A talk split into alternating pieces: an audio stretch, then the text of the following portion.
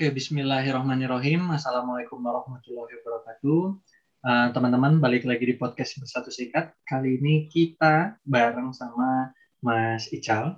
Nah, kita akan ngobrolin banyak hal nih tentang uh, karirnya di bisnis maupun di bidang sosial. Nah, sebelum itu, Mas Ical boleh dong kenalan dulu namanya siapa, domisili di mana, dan juga aktivitas apa sih yang Mas Ical lakukan sekarang ya. Oke, terima kasih Kang Puji. Assalamualaikum warahmatullahi wabarakatuh. Saya Muhammad Afrizal Ananta, dipanggil Rizal atau dipanggil Ical waktu kuliah dulu. Udah lama nih nggak dipanggil Ical. ya dulu kuliah di kampus Universitas Brawijaya di Kota Malang uh, jurusan manajemen, fakultas ekonomi dan bisnis.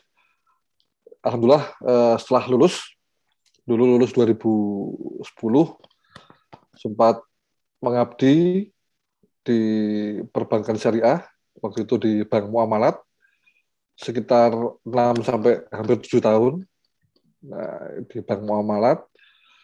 Nah, setelah itu hijrah, hijrah lagi ke usaha atau kita ikut apa namanya ikut tim waktu itu bergerak di bidang hospitality uh, di hotel Padi Heritage di Kota Malang dan juga membantu di apa yayasan sosialnya namanya Yayasan Ladang Amal. Di situ kurang lebih dua tahun. Nah, setelah itu hijrah lagi. Nah di dunia kuliner Nah, jadi ada teman yang dia itu apa uh, usaha kuliner yang legendaris di Kota Batu atau di Kota Malang, daerah Malang Raya begitu. Nah, itu mau bikin startup apa namanya model startup untuk bisnis kuliner. Hmm. Nah, ternyata belum sampai setahun uh, mimpi dan juga ide besar itu harus pupus ya, harus apa namanya uh, kandas hmm. karena kurang pasnya ilmunya. Jadi ilmunya kurang pas, kurang banyak dan juga apa namanya jiwa mudanya itu terlalu optimis begitu. Jadi eh, banyak beberapa hal yang tidak baik dan tidak sesuai dengan apa namanya rencana. Akhirnya kita shutdown di bulan ke-9 waktu itu. Nah, jadi harus di apa tutup uh, usahanya. Nah, akhirnya beralih lagi ke dunia travel jadi waktu itu travel hal tour, ada teman yang ngajak join untuk jadi apa namanya corporate uh, marketing sejawa Timur waktu itu di hal tour. Nah hal tour ini konsepnya luar biasa karena dia udah megang beberapa negara, Jepang, terus juga uh, Timur Tengah itu ada tiga negara, ada Mesir, terus juga apa Akso sama Mesir Akso sama satu lagi negara dan juga ke Eropa itu konsepnya hal tour. Nah, apa namanya satu bulan menjelang wabah corona, nah itu kodarullah jadi uh, saya pamit dari apa travel itu karena diajak untuk balik lagi ke Kota Batu. Jadi saya aslinya Kota Batu di Jawa Timur untuk uh, mengawali bisnis di toko spring bed atau toko dokter spring bed. Nah, jadi pas satu bulan itu saya mulai di toko spring bed ada corona. Nah, jadi teman saya yang travel hal tour ini apa namanya uh, ya tentu harus apa ya istilahnya itu melakukan banyak perubahan karena sangat-sangat terdampak sekali karena adanya wabah uh, COVID ini. Nah, sehingga dia pivot untuk usaha lain. Nah, saya pun juga alhamdulillah juga mengawali uh, usaha di toko spring bed ini di saat awal corona. Nah, jadi ini angkatan corona juga ini usahanya. Nah, ya alhamdulillah sampai sekarang masih apa namanya struggle di toko ini ya alhamdulillah udah satu setengah tahun gak kerasa ya insya Allah apa namanya kita proses terus untuk apa namanya untuk melaksanakan usaha ini begitu Kang Nah, menarik tuh. Uh, akhirnya masuk ke spring bed ini apa tuh trigger awalnya yang membuat oke okay, yakin nih uh, bahwa karena ya. mungkin sebenarnya uh, Mas Ical kan juga terpapar banyak industri ya hijrah hmm. dari industri ke industri terus juga in bisnis pas travel juga pasti melihat banyak uh, bisnis-bisnis lain. Nah, kenapa waktu itu hmm. mungkin deh spring bed deh gitu? Ya, yang pertama uh, ini saya tuh termasuk orang yang korban itu ya, korban apa? Korban motivator ya, atau apa namanya korban istilahnya itu uh, buku atau motivator yang apa pindahlah menjadi seorang pengusaha begitu ya. Jadi itu kan sekitar apa waktu dulu di bank 2015 2016 saya masih ingat betul bacaannya itu kan uh, tentang pengusaha, entrepreneur atau apa namanya intinya itu kita punya uh, bisnis sendiri begitu kan. Nah jadi ya intinya ada beberapa pilihan ya yang saya tadi uh, ngobrol sama Kang Puji ya hidup itu nggak akan lepas dari pilihan. Nah apa namanya termasuk juga profesi atau karir ya di mana ada banyak teman itu yang lempeng aja. Jadi mulai awal lulus kuliah sampai sekarang satu profesi nggak pindah-pindah begitu sampai menjadi expert ya bisa jadi atau hmm. secara sekarang itu di level tertentu yang apa namanya uh, sesuai dengan yang dia inginkan. Nah kalau saya ini termasuk orang yang korban apa korban itu ya korban meme atau korban apa uh, motivasi dari buku untuk kita itu dari karyawan menjadi pengusaha begitu. Nah, itu ada satu meme kalau mungkin uh, teman-teman pernah tahu kan kelihatannya itu kan tenang dan enak gitu ya apa dunia pengusaha atau dunia entrepreneur atau dunia yang baru kita lakukan. Tapi kita kita nyemplung di situ, kita masuk loncat dari satu uh, tempat ke tempat yang lain, ternyata kita semakin dalam kan, semakin tenggelam itu. Ternyata nggak semudah itu kan begitu. nah, jadi itulah apa namanya uh, ya harus ada konsekuensi kan jadi ketika kita sudah memilih kita mendapatkan konsekuensi baru yang intinya ya nggak nggak seindah yang kita lihat tapi tentu worth it atau insya Allah apa namanya uh, kita dengan perjuangan itu kita punya apa namanya tekad yang ya istilahnya itu layak untuk diperjuangkan nah kata kuncinya Kang Puji jadi tadi memang ada kalau ada teman-teman itu yang mungkin sekitar berapa tahun perjalanan itu apa ya turnover pekerjaannya itu mungkin satu atau dua. Nah kalau saya kan sekitar 6 sampai tujuh ya apa namanya mm turnovernya. Nah itu tapi ada kata kunci kalau saya lihat kata kuncinya itu di hospitality atau di apa namanya keramah tamahan. Hmm. Karena memang dari saya itu waktu dulu juga masuk ke Best One ya emang apa jiwa apa ya jiwa sales atau jiwa marketingnya itu tinggi jadi kita sangat melayani orang begitu nah jadi bahkan uh, waktu itu uh, kita apa namanya dengan kita melayani dengan kita memberikan apa namanya servis kepada orang baik itu orang atau dosen atau teman atau siapa pun klien ya itu memang jiwanya di situ ya jiwanya di apa namanya di kita melayani kita apa melakukan satu bentuk jasa untuk servis orang. Nah, karena dulu waktu di bank itu udah saya di marketing funding, uh, manajer marketing funding, yang itu urusannya itu membawa uang masuk. Jadi hmm. bagaimana merayu ya, merayu nasabah agar uangnya itu dipindahkan untuk masuk ke bank kita gitu. Jadi apa namanya? Kan ada ada dua itu ya, dua sisi marketing yang hmm. uh, financing atau lending yang urusannya dengan KPR lah atau modal usaha, nah atau yang sisi funding. Jadi bagaimana uangnya si customer atau nasabah ini bisa masuk ke kita untuk menjadi apa namanya dana pihak ketiga. Nah, jadi sama di hotel apalagi sangat hospitality, tentu dengan konteks yang cukup macam-macam. Bahkan alhamdulillah waktu itu eh, sempat sama ownernya itu dikasih reward umroh waktu itu apa namanya? Karena di tahun kedua itu alhamdulillah sistem dan juga omsetnya cukup signifikan untuk apa namanya perbaikannya. Nah, justru pada saat habis umroh pulang ke Indonesia, nah itu malah kita itu apa namanya kayak semacam jadi habis dikasih reward umroh sekitar tiga atau lima bulan kemudian resign begitu.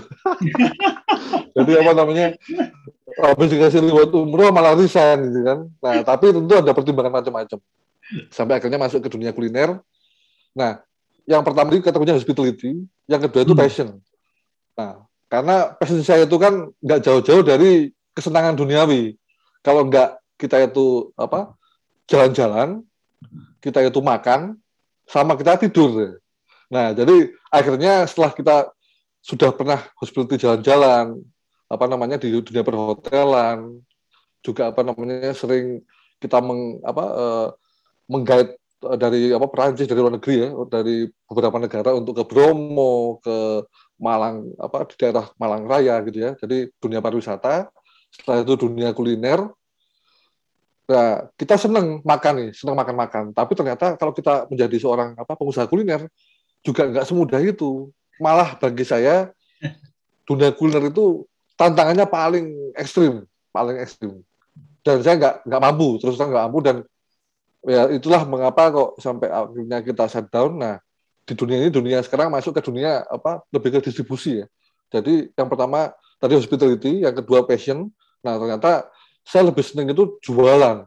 Nah jadi kayak canvassing, hard selling, apa jadi intinya itu berjualan. Nah ketepatan ada teman itu yang punya jaringan dengan satu perusahaan spring bed di daerah Bogor.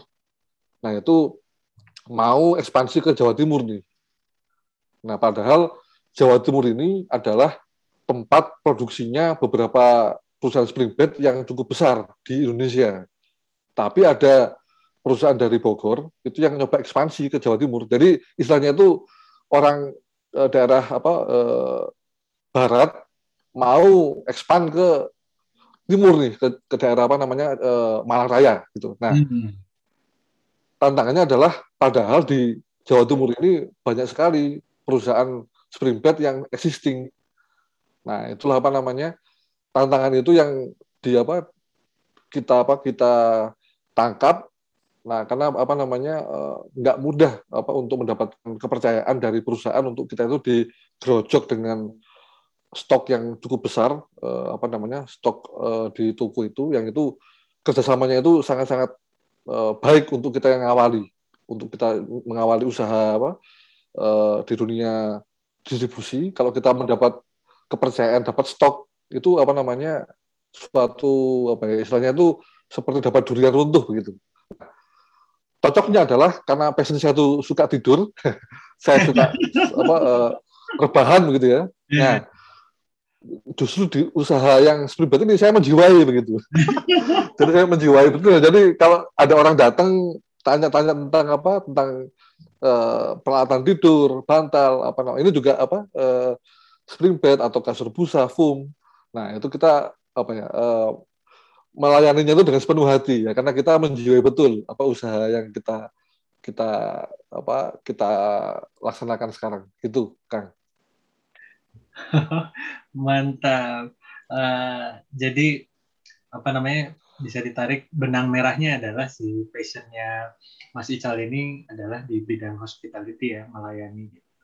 Nah ini juga menyangkut uh, mungkin berarti ini tuh juga salah satu yang bikin Mas Ical terlibat di lazismu ya uh, mengelola zakat dan juga apa ya istilahnya berkegiatan sosial di uh, apa namanya di ranah apa pendistribusian zakat gitu ya. Nah, tapi sebelum masuk ya. ke sana nih, menarik juga nih hmm. tadi uh, Mas Ica kan cerita uh, akhirnya dipercaya untuk uh, apa ya sebagai orang kepercayaan untuk ekspansi di daerah timur nih. Nah, menurut Mas Ical gitu, apa sih faktor-faktor apa yang akhirnya Mas Ical waktu itu mendapat kesempatan itu?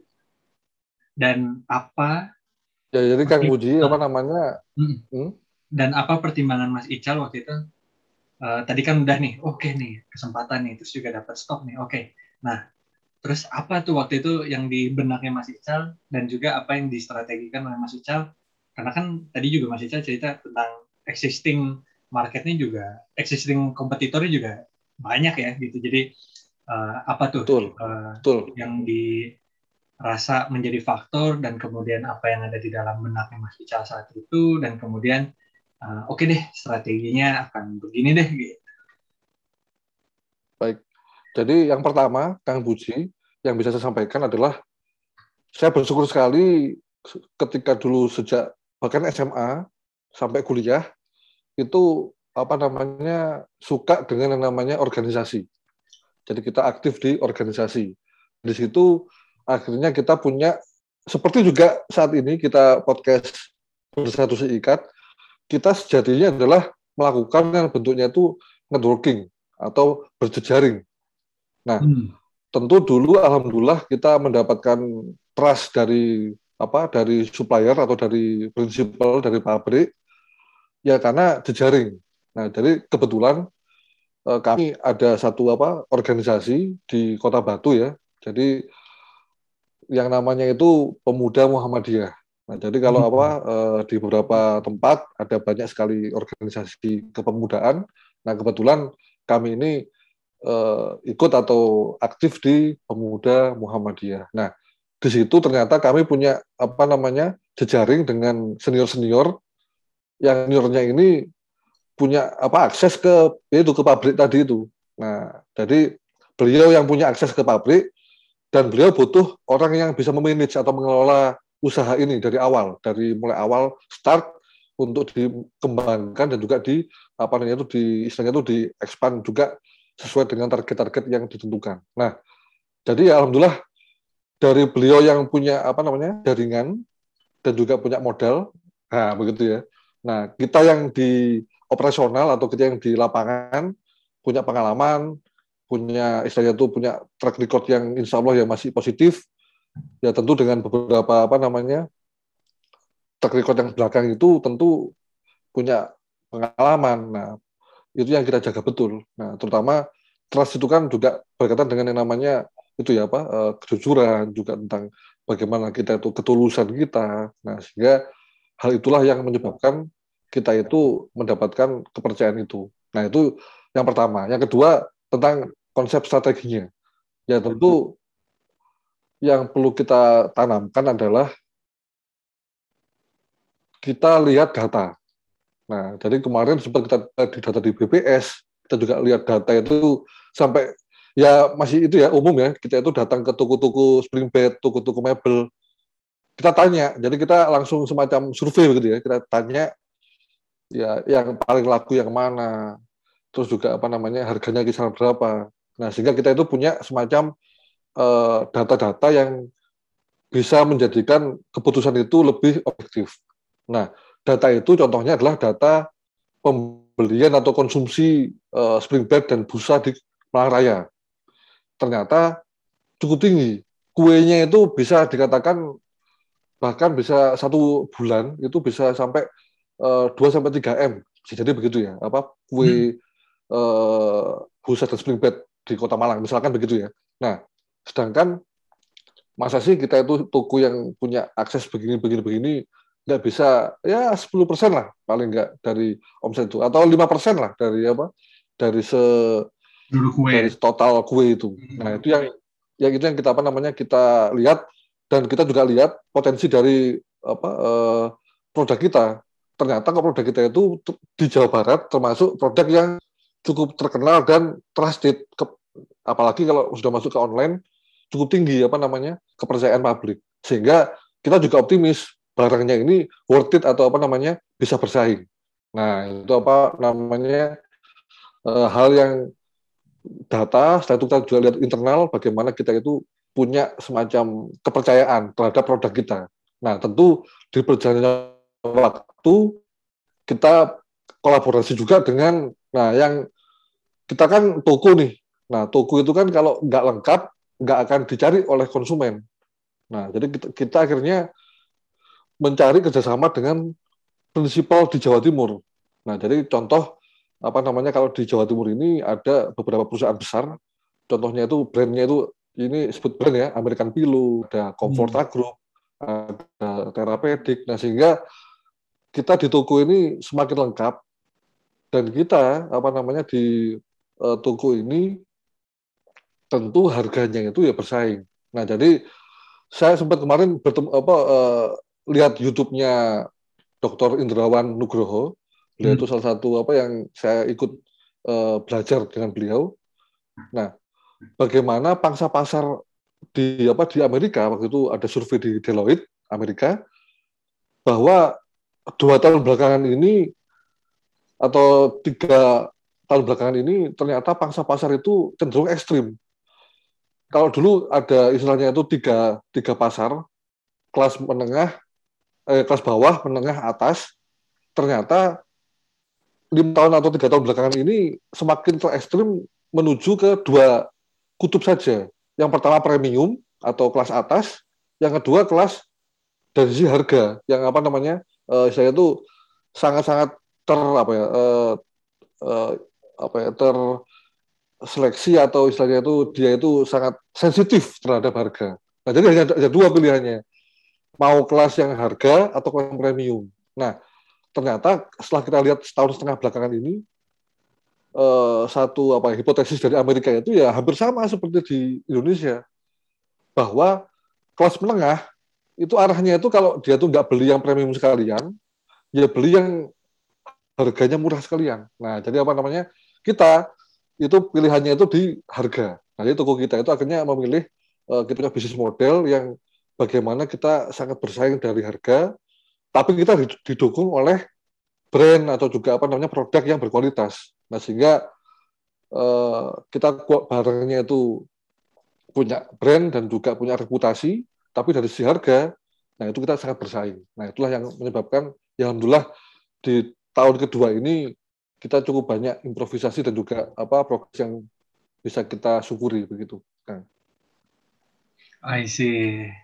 Menarik uh, karena kan itu tadi ya kata kunci yang di awal adalah berjejaring gitu.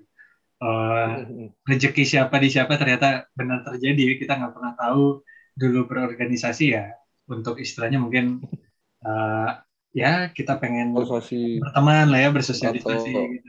ah betul uh, sosialisasi ada kesempatan-kesempatan yang wah sekarang malah jadi jalan rezekinya Mas Ical ya gitu. Alhamdulillah ya. nah berarti uh, sekarang Mas Ical sistem berarti reseller ya uh, atau tetap sendiri aja Mas Ical baik dari sistemnya di toko kita kita itu adalah uh, seperti toko distributor atau apa namanya hmm. uh, toko yang kita langsung berhadapan dengan konsumen end user.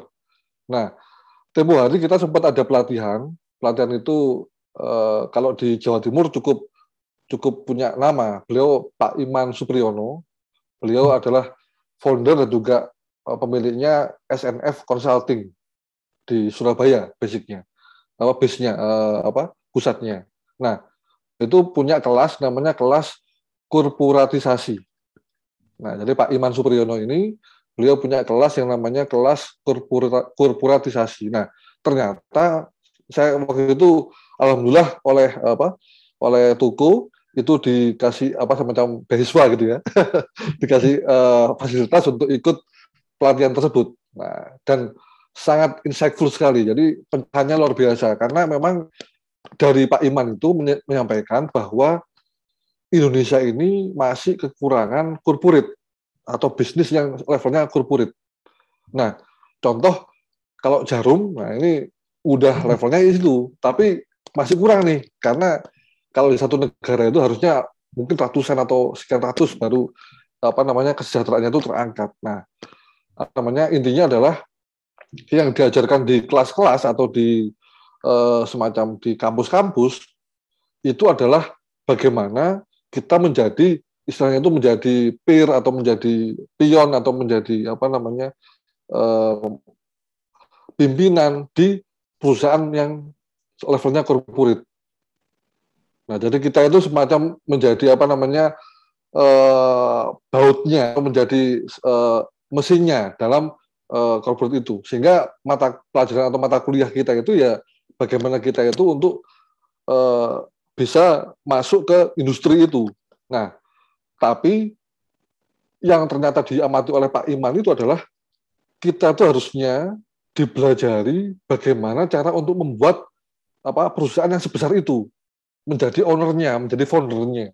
Nah itu yang menarik bahwa kita ya boleh dan apa uh, sangat relevan karena kan otomatis pilihan hidup itu kan kita belajar dan apa namanya bisa masuk ke perusahaan besar, korporat atau menjadi apa namanya uh, level-level tertentu yang itu tentu memberikan penawaran fasilitas, penawaran apa namanya uh, gaji yang fantastis dan juga pride yang luar biasa karena orang itu kan kalau apa biasanya misalkan ya kalau kita flashback ke belakang kalau kita itu mau mencari pasangan hidup gitu kan harus tahu dulu ini kerja di mana bagian apa begitu kan. Nah tapi kalau kita apa istilahnya itu masih mengawali usaha nah, contohnya nih kita mengawali usaha masih belum established belum apa belum belum stabil kita nyoba untuk melamar orang anak orang itu kan tentu calon mertua itu kan agak agak berat ya agak apa agak was-was begitulah. Nah, tapi kalau misalkan dulu saya contohnya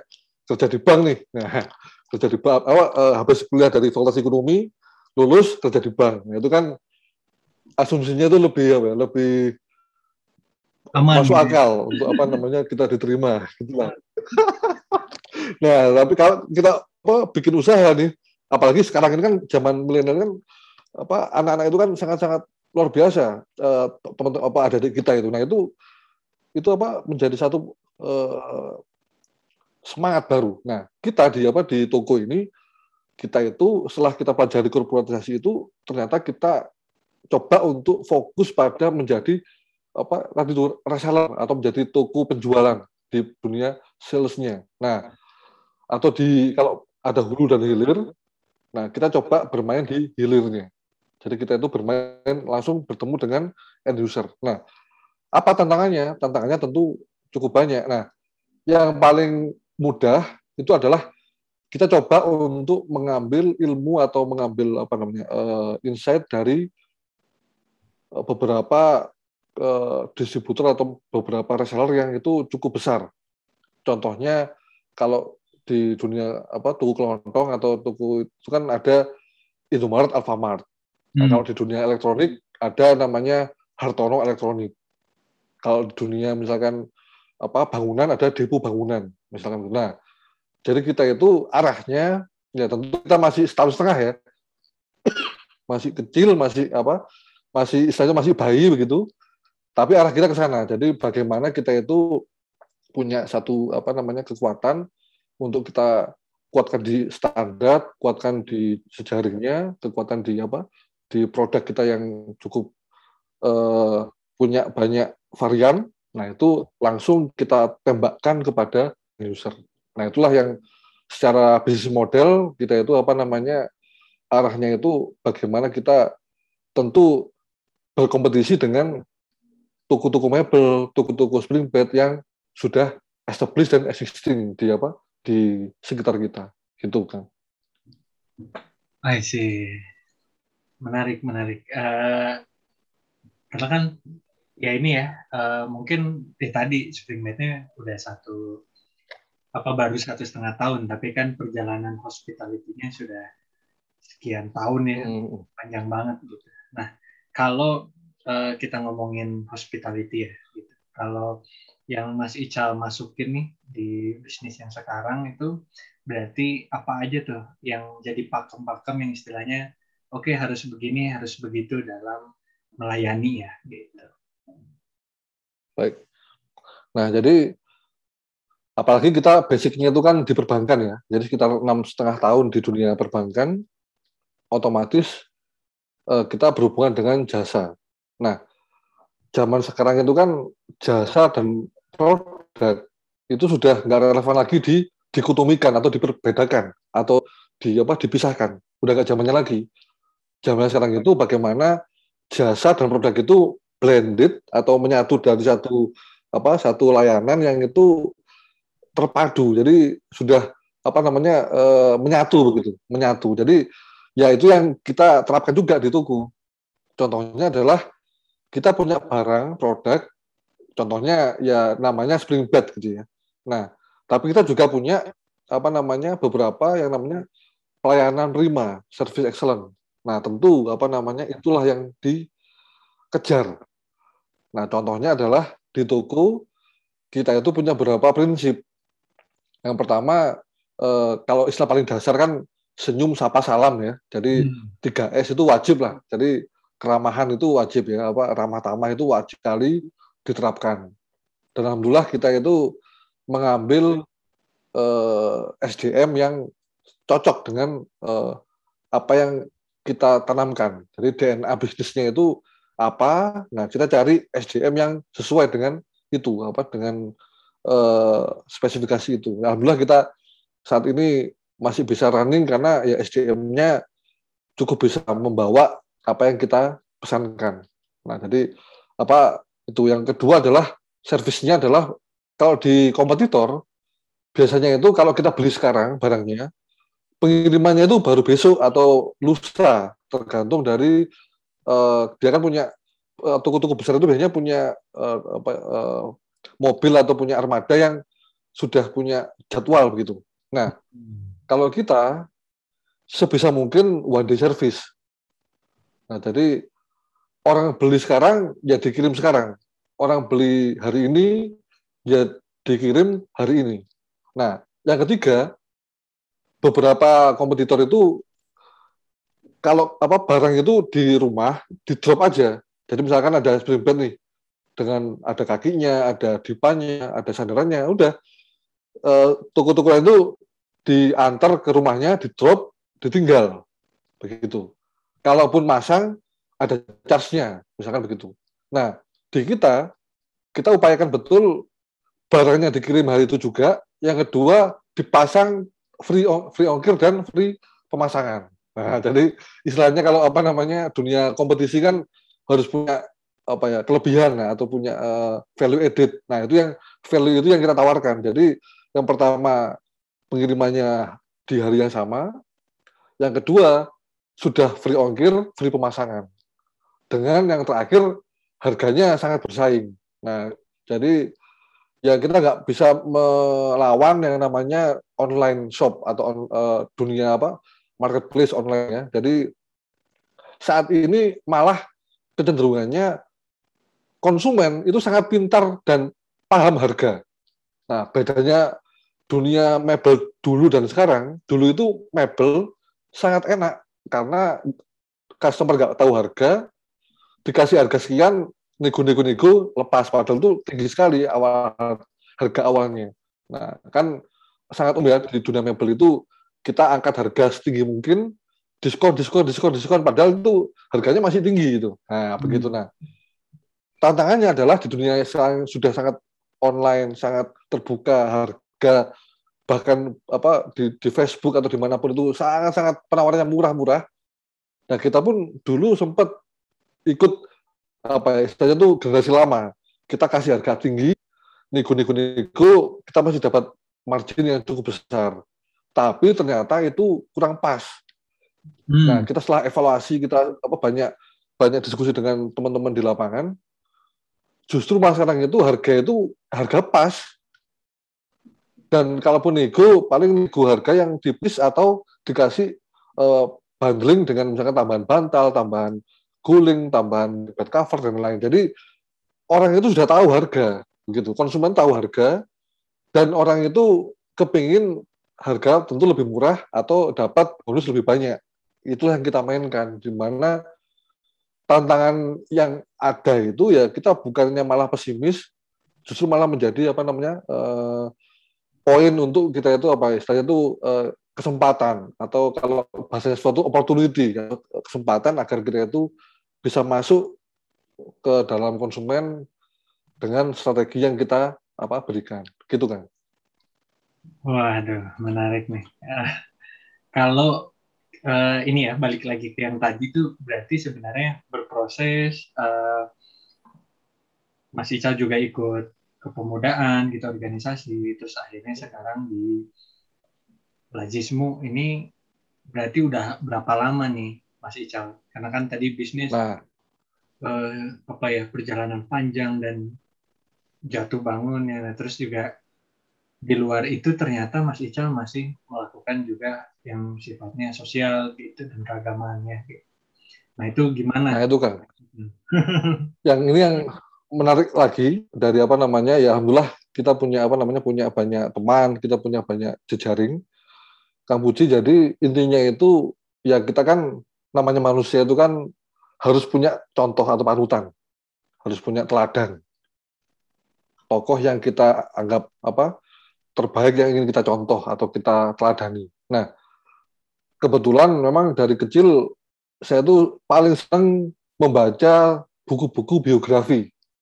Jadi kalau di perpustakaan atau di apa rumah saudara yang punya buku. Jadi dulu itu saya ingat betul ada kartun atau buku-buku tentang Isaac Newton, hmm. tentang apa Mahatma Gandhi atau tentang apa Napoleon Bonaparte. Nah itu yang paling saya senang dengan apa namanya dengan uh, buku itu ya buku biografi. Nah masuk ke SMA dulu zaman saya masih SMA itu untuk masuk ke penjurusan sosial atau IPA, IPS atau IPA itu di kelas ketiga. Hmm. Jadi kelas satu dua itu masih apa masih masih umum, baru di kelas tiga apa namanya kita itu dijuruskan mau ke sosial atau ke bahasa atau ke ilmu alam ya. Nah, saya dulu tuh kalau bisa milih kelas 1 SMA itu harusnya udah masuk ke sosial. Jadi saya kurang punya ilmu di dunia eksak ya. Lemah sekali. Jadi apa namanya? Ya ini kadang-kadang uh, pilihan juga ya apa uh, kita punya kesenangan di dunia sosial, di dunia apa? dunia sejarah, itu juga bagaimana tentang sosiologi, antropologi, atau tentang apa namanya tentang hal-hal yang sifatnya itu ekonomi nah jadi itu yang lebih menyenangkan nah kembali lagi kalau di Batu nah ini kota kalau kota Batu itu kan kota kecil kang hmm. kalau kota Batu itu kita hanya punya satu kota itu hanya punya tiga kecamatan jadi kalau mungkin di Bandung itu berapa kecamatan kalau apa kalau di Bandung hmm. totalnya kalau sebenarnya yang kota ke situ tuh, uh. Batu tuh. Jadi jadi kalau di Bandung tuh mungkin kayak di Lembang ya karena kan lokasinya ke atas gitu ya. Terus uh, uh, betul betul. Kurang lebih ya areanya mungkin lebih besar Batu sedikit lah. Nah kalau uh, di uh, Cimahi, Cimahi itu yang tiga kecamatan juga. nah gitu. Jadi kita itu di satu kota tiga kecamatan ya nggak besar karena kita pecahan dari Kabupaten Malang dulu ya tahun 2000 2000-an awal itu kita uh, itu pecah dari Kabupaten Malang menjadi Kota Batu yang hanya tiga kecamatan. Nah, tapi meskipun kecil, tapi di Batu itu kita punya tokoh besar dan juga kalau bagi saya waktu masih muda dulu atau masih mahasiswa sangat-sangat favorit lah. Nah itu yang almarhum Munir sarjana hukum. Jadi uh, Munir yang apa namanya uh, dari Kontras, aktivis hukum, aktivis HAM, yang luar biasa hebatnya dan ya konon ya apa namanya diracun di pesawat ya ketika beliau mau studi ke Belanda. Nah itu apa sampai akhirnya beliau meninggal di usia muda karena apa namanya eh, kena arsenik atau racun dari apa dari yang sampai sekarang pun juga belum tertangkap itu apa eh, siapa siapanya dalangnya ya kalau untuk Polikarpusnya kan sudah sudah tangkap dan dihukum. Nah ininya apa Kang? Beliau itu hebat atau Munir itu adalah uh, idola. Nah, dan beliau orang hukum. Nah, kalau saya itu kan bukan orang hukum, saya itu orang ekonomi. Nah, sehingga saya punya semacam uh, impian dari kecil, dari mulai kuliah sampai sekarang pun masih tetap saya pupuk. Bismillah. Jadi kalau di Batu itu ada Munir yang ahli hukum dan bisa banyak membantu orang di dunia hukum. Nah, kalau di saya itu orang ekonomi. Bagaimana kita itu bisa membantu ekonomi masyarakat kecil sebesar mungkin, semaksimal mungkin. Nah, akhirnya karena kita punya impian, akhirnya kita punya istilah itu cari partner siapa sih atau cari uh, yang bisa membantu atau memberikan apa namanya uh, jalan menuju ke sana. Nah, saya masih ingat waktu itu waktu tahun 2007 atau 2008 saya itu uh, maju menjadi presiden BEM, calon presiden BEM ketika dulu ya di kampus. Nah, ketika itu saya kampanye di Fakultas Kedokteran. Nah, jadi saya kampanye di FK dan ketika itu saya biasa aja udah berlalu sekian lama dan akhirnya saya itu ketemu lagi dengan Dokter Gamal Albin Said. Hmm. Nah, jadi Dokter Gamal itu kalau saya dulu di ekonomi 2005, beliau kalau nggak salah FK 2007 angkatannya. Nah, beliau cerita, Bang Ijal, ingat nggak dulu waktu Bang Ijal maju presiden, kampanye di kelasku, waktu saya masih ada kelas di FK, nah Mas Ijal itu apa namanya, kampanye presiden BEM itu di di salah satu kelasku. Nah, saya tuh agak lucu apa agak ketawa tapi juga sedih juga. Jadi saya masih ingat betul Dokter Gamal yang sekarang itu sangat-sangat uh, apa ya, pengaruhnya juga prestasinya luar biasa sekali. Nah, dulu tuh malah saya tuh sempat kampanye di sana begitu. Nah, sekarang apa luar biasa sekali. Nah, beliau kan juga penemu apa eh, asuransi sampah, eh, kesehatan. Nah, intinya apa? Beliau dulu itu yang bikin saya tuh tertarik adalah Mas, saya itu punya program tentang apa ekonomi apa pemberdayaan ekonomi gitu. Tapi yang kerjakan dokter Gamal waktu itu. Hmm. Nah, saya tuh ingat kalau dalam hadis itu kan kita itu boleh iri itu pada dua hal. Jadi hadis itu kita kalau ada orang yang punya ilmu Al-Qur'an dan dibaca siang malam dan yang kedua itu orang yang dikaruniai harta dan dia menginfakkan di siang dan malam. Nah, jadi kita boleh iri. Nah, itu pada dua hal itu. Nah, saya lihat Dr. Gamal itu orang yang paling buat saya iri.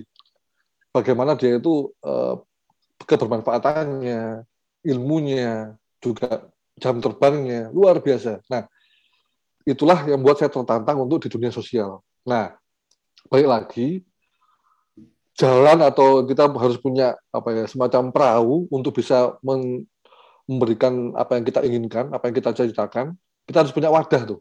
Nah, wadahnya setelah saya ke mana kemari kita coba timbang sana timbang sini, insya Allah yang mungkin bisa untuk kita jadikan apa namanya jalan itu atau alat atau tools itu ya di lazismu itu lembaga zakat Muhammadiyah itu. Kenapa? Karena lazis ini mirip seperti bank. Jadi lembaga intermediasi. Nah kalau bank itu kan bagaimana mengintermediasi orang yang uangnya banyak dikelola untuk diberikan kepada orang yang membutuhkan dana, entah itu buat rumah atau buat perusahaan, buat usaha modal. Nah, Sebenarnya sama. Lembaga zakat itu ya lembaga intermediasi orang yang punya uang diberikan kepada mustahik atau orang yang kebutuhan apa namanya uh, entah itu fakir miskin atau itu apa namanya butuh modal dan lain. Nah, semangatnya sama, tapi bedanya itu kalau di bank uangnya besar, miliaran bahkan triliunan. Nah, kalau di lembaga zakat itu uangnya masih kecil ya, masih belum besar. Nah, itulah tantangannya bagaimana kita membesarkan apa namanya uh, satu lembaga sosial ini agar bisa punya manfaat yang besar kepada masyarakat. Itu kan. I see. Kang tidak terasa nih. Eh, Kang lagi. Mas udah nggak terasa nih Mas Ica. Iya. Sudah, wah sudah 40 menit. Aduh. Ini jadi rekor nih terpanjang nih. Terakhir deh Mas Ica. Ya, semoga nggak bosen ya. Iya. Terus, terus, terus, inspiratif. Jadi buat teman-teman, uh, boga apa namanya namanya nanti da, bisa ngambil banyak manfaat dari uh, obrolan ini gitu. Nah, buat penutup, Mas Ical, uh, ada nggak ujangan yang nancep di kepala, di hati, jiwa, pikiran semua ya, yang sampai hari ini masih Ical ingat gitu dan mungkin jadi pegangan hidup atau uh, apa ya selalu apa ya selalu mewaspadai Mas Ical lah kurang lebihnya. Ada nggak Mas Ical? Baik, terima kasih Kang Puji. Jadi eh, bapak saya itu, jadi eh, ayah saya itu orangnya sangat keras kan, sangat keras karena beliau itu eh, pelatih sepak bola. Hmm. Nah, jadi beliau itu pelatih sepak bola. Sedangkan saya ini adalah orang yang dulu waktu kecil itu sempat sakit yang mana membuat apa ya eh, paru-paru saya itu ada sedikit semacam masalah sehingga tidak punya apa itu stamina yang bisa untuk atlet begitu. Nah, jadi orang tua itu sangat dulu saya ikut SSB, ikut apa eh, diikutkan lomba-lomba sepak bola, tapi secara fisik kurang mampu karena ya memang punya keterbatasan ketika kecil sakit ya. Nah, tapi orang tua saya itu saya cari apa sih apa namanya uh, kalau orang tua satu pelatih ya, di lapangan bahkan alhamdulillah salah, beberapa muridnya itu ada Ahmad Bustomi yang oh. menjadi pemain timnas Arema juga dan juga ada Mas Arif Suyono itu malah nah. asli Batu Arif Suyono itu apa wingernya Arema juga sempat di timnas juga betul nah, jadi beliau adalah beberapa apa uh, saya itu muridnya ayah yang bisa sampai level nasional. Nah, kalau saya ilmunya di ekonomi, ilmunya di bisnis, ya insya Allah ini punya apa punya semacam semangat untuk menjadi uh, pelatih tapi di dunia bisnis atau di dunia apa namanya di dunia uh, perekonomian begitu kan. Jadi kita tentu punya sosok idola dan panutan.